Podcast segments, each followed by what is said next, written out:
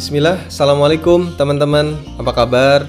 Saya mendoakan mudah-mudahan teman-teman selalu dalam keadaan sehat Dan selalu dalam, dalam keadaan performa puncak untuk selalu bersemangat menemukan apa peran diri kita Oke, di episode kali ini saya ingin berbagi sebagaimana janji saya di episode sebelumnya tentang the most fragile brain.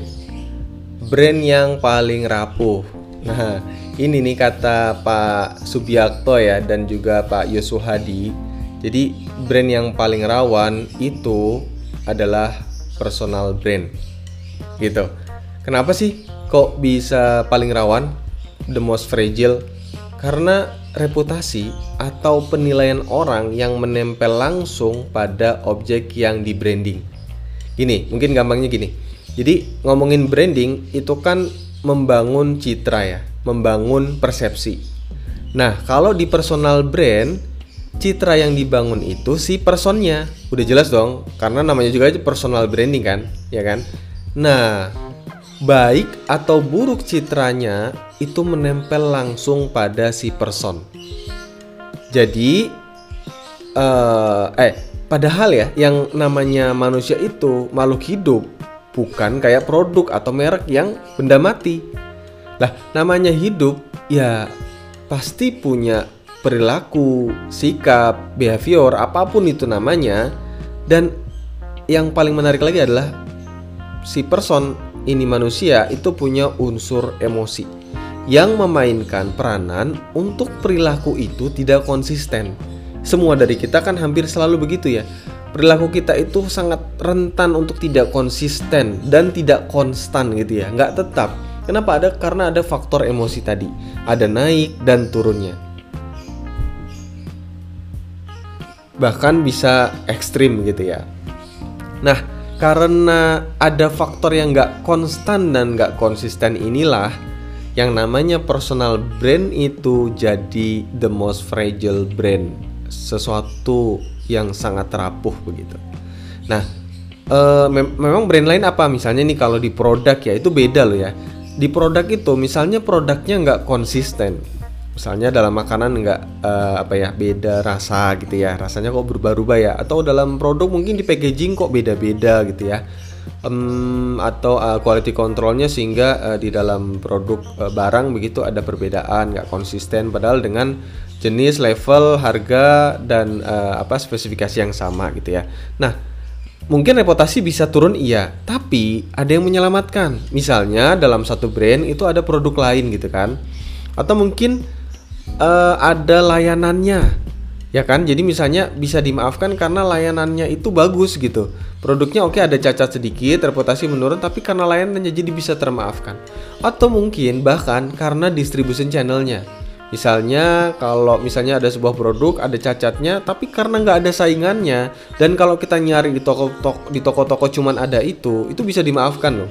Gitu. Kita mau pakai apa lagi? Mau mau komplain atau uh, reputasi negatif ke brand kayak apa? Ya tetap kita ambil lagi karena mungkin saingannya masih sedikit pilihannya juga nggak banyak dan ketika dibandingkan meskipun ada reputasi yang jelek nggak konsisten tapi ternyata dia lebih bagus dibandingkan merek-merek lain. Itu jadinya dimaafkan itu. Jadi reputasinya kayak terbackup oleh faktor lain. Beda banget kan dengan personal brand yang langsung menempel dengan perilaku manusia gitu. Jadi katanya nih dalam personal branding kita perlu menjaga kita, sikap kita, behavior kita, perilaku kita menjadi manusia yang seutuhnya. Karena personal branding ini cepat naik dan cepat turun. Jadi kadang-kadang uh, bisa dibilang kalau mau terkenal itu gampang banget, kalau mau turun juga dengan sangat mudahnya ketika perilaku kita nggak konsisten mungkin akhir-akhir ini atau mungkin kapan pun selalu ada ya uh, bisa kita ambil pelajaran. Kemarin ada kasus artis yang kemudian uh, dilaporkan KDRT begitu ya oleh istrinya. Ini kan bisa kita lihat ya reputasi langsung hancur gitu ya meskipun ada rekaman dan lain sebagainya. Nah uh, itu dengan cepat hancur padahal uh, uh, apa namanya bangunnya udah lama. Tapi di sisi lain juga ada orang yang sangat dengan cepat naik di puncak begitu ya uh, puncak keterkenalan hanya karena satu dua peristiwa atau satu dua momen begitu sehingga dia menjadi terkenal nah Personal branding ini sangat menarik kalau harus dibandingkan dengan commercial branding dan lain sebagainya begitu ya.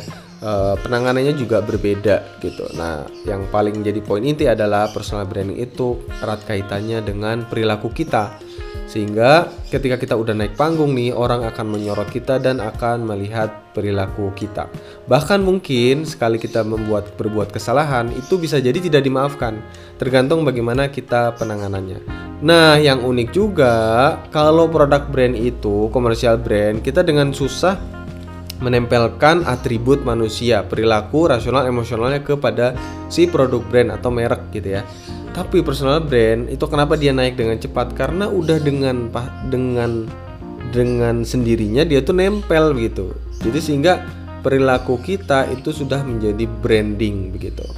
Nah, mungkin kita akan perdalam di lain kesempatan tentang uh, tentang gimana sih cara untuk agar kita bisa secara konsisten dan konstan begitu ya dikenal di di circle kita. Nah, prinsipnya yang paling utama adalah sebenarnya personal branding itu bukan soal hmm, bukan soal pencitraan aja atau kita menjadi apa. Ya kan, sudah sering banyak disampaikan kan oleh para tokoh dan sudah sering saya coba jelaskan gitu ya penjabarannya di podcast-podcast ini. Jadi, fokusnya adalah pada dampaknya peran kita gitu sebagai si brand ya. Jadi um, kita itu fokus pada peran apa sih yang akan kita mainkan akan akan manfaat seperti apa sih yang akan kita berikan ke circle kita. Inilah yang menjadi inti atau core dari personal brand. Sehingga kalaupun naik naiknya itu karena dampak yang diberikan. Kita naik panggung itu karena dampak yang diberikan begitu. Dan seandainya pun kita harus turun panggung karena kesalahan perilaku kita itu bisa kita antisipasi dengan semurni-murninya sikap yang humanis. Sikap kita sebagai manusia. Kalau salah ya minta maaf gitu kira-kira kan?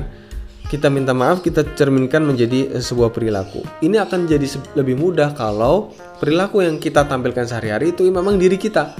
Dan akan semakin sulit dan kita akan apa ya bisa apa ya mengganggu kesehatan mental kita ketika yang kita tampilkan sehari-hari itu bukan diri kita maka menjadi diri sendiri, menjaga men kita menjadi manusia seutuhnya adalah bagian penting dari personal branding.